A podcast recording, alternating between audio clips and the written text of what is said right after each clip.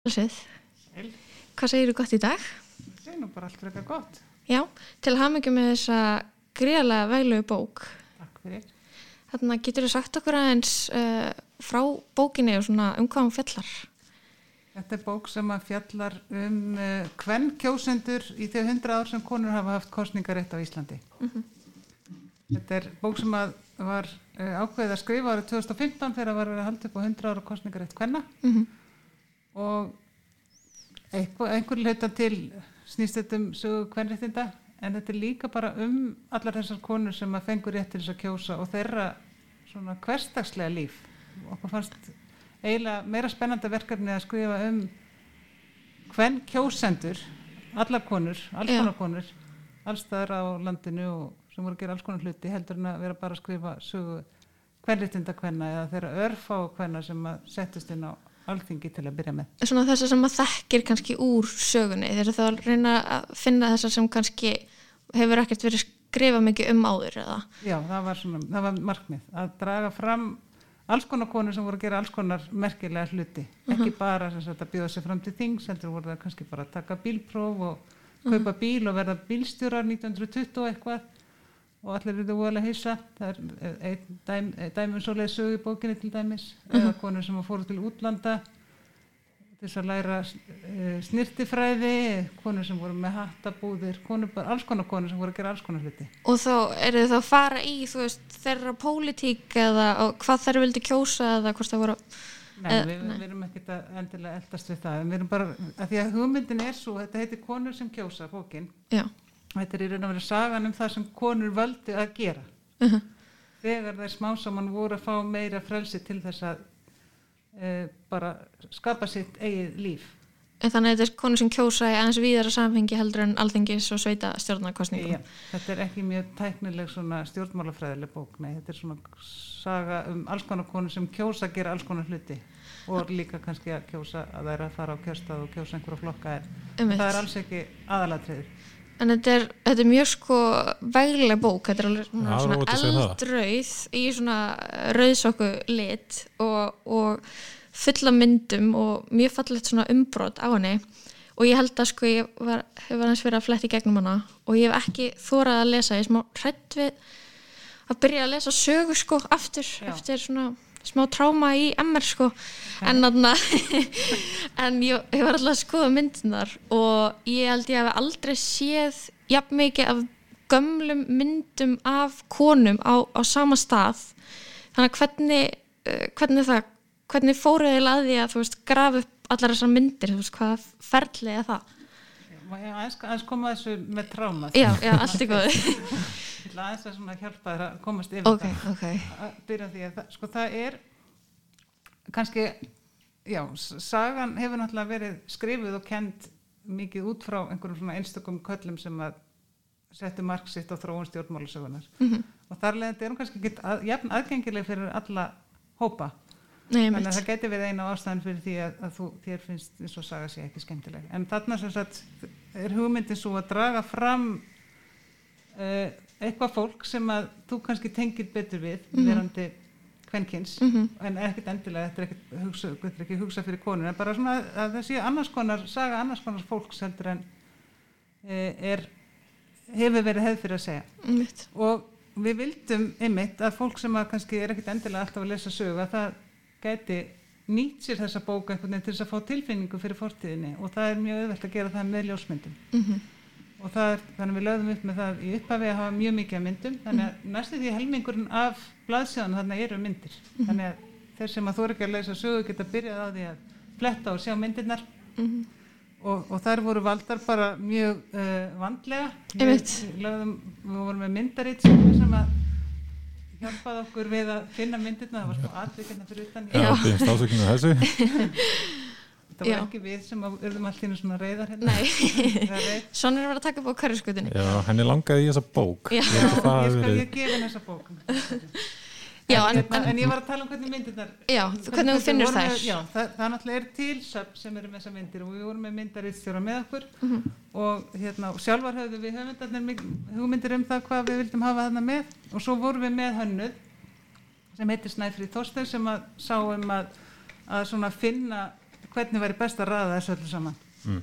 upp þannig að það væri aðgengilegt og hugmyndin er svo að, að hver kapli sem fjallar um sérstakann áratug, tiltekin áratug að það eru myndir frá þessum áratug af konum sem að er að gera alls konar En, en hvar eru þessar ljósmyndir, um, hvar finnum maður þær? Eru, eru þið að leita í, þú veist, í engaeg til fólks eða er eitthvað ljósmyndasafn eða hvernig er það? mest af þessum uh, myndum eru aðgengilegar á söfnum og Ok, ef það leiðist í kvöld þá sko hvetið þið þess að fara inn á vef ljósmyndarsafs Reykjavíkur eða e, ljósmyndarsafs Íslands mikið af þessum myndum sem er í bókinni getur við séð bara þar og það var Einmitt. það sem við, við byrjuðum á að gera bara liggja í því og finna einhverja myndir sem okkur fannst spennandi. Og ég spyrja, hérna, svona, fyrir hvern er þessi bók? Þú veist, er, er, er þið að hugsa eins og að þessi bók getur mjögulega farið í skóla eða er þetta svona bara það er bara allir, allir eiga að vera með einu svona bók heima á sér til að kíkja í Ég myndi helst vilja að allir hefðu áhuga á því að eiga svona bók Já. og það var svona hugmyndin hjá okkur. Við, hún er náttúrulega stóra og þetta er ofsalega marga blaðsíður. Við kennum það, við svona leftum okkur svolítið í að skrifa mikið. Við erum fjóru höfundar, sem sagt auk mín er það Kristín Svafa Tómasdóttir og Erla Hulda Halldórsdóttir og Þorgerður Þorvaldsdóttir, þannig ég nefni þær nú áður en ég gleymi því. En, en uh, hún er samt, eh, sko, með, með því að þetta eru þessar myndir þá hérna, held ég að allir ætti að geta glemt sér aðeins í henni Já. og ég veit hérna og þið voru nú að segja að þið voru að vera aðeins búin að fletta á Já, þið líður aðeins, strax aðeins betur já, mér líður strax mun betur. en uh, já, ég var að hugsa sko líka bara svona um, um kostningaréttin almennt um, á Íslandi að konur fengu kostningarétt til japs við karla þá fyrir 100 árum í ár, eða ekki? En var það ekki svona annars að byggjast upp frá hvað 1915 eða hv- hvenær var það? Jú, það var þannig þegar það var ákveðið að konur fengi að kjósa og bjóða sér fram til þings Já, þá þótti það svolítið glannaleg aðgerð já, já, og að bara allt í henni fengi alla konur að kjósa og það var svona ákveðin ótti meðal þeirra kalla sem voru á þingi og voru ákveðið að breyta þessu svona um að það myndi bara allt fara á kolf Mhm. Svo ég geri flóknasögu einfaldan Þannig að eldri konur fengu þá rétt, Þannig að það var réttum ákveð að já, gefa konum smám saman kostningar þetta byrja á þeim sem voru 40 ára eldri Ok. okay. kostningarétt aldurum var 25 Já, þannig að það var ekki verið að hleypa öllum að í einu ég veit. Nei, bara smám saman En svo var því að þetta- Guð var veit að þá fari allt í, Já, Já. Mér finnst svo fyndið að hugsa til þess að það hafi verið tímapunktur Já. fyrir mjög stöttu síðan þar sem að uh, ég 27 ára væri ekki nógu tilbúin til þess að kjósa. Þú ert augljóslega ekki eins sko, fær til þess eins og til dæmis ég Nei, ég veit. 40 ára, þannig að það verið En ég hins vegar, Þú- ég er í Já. góðum álum sko. Já, já, já, þú getur þetta alveg. en það var náttúrulega búið að ala þig upp þá sko frá baspenni til þess að verða svona fullgildur borgar í samfélaginu Mhm. Er þetta þá áhyggjur út af því að konur hefði þá fram að þessu ekkert verið að hugsa út í stjórnmál og eða skilur, er það óttin?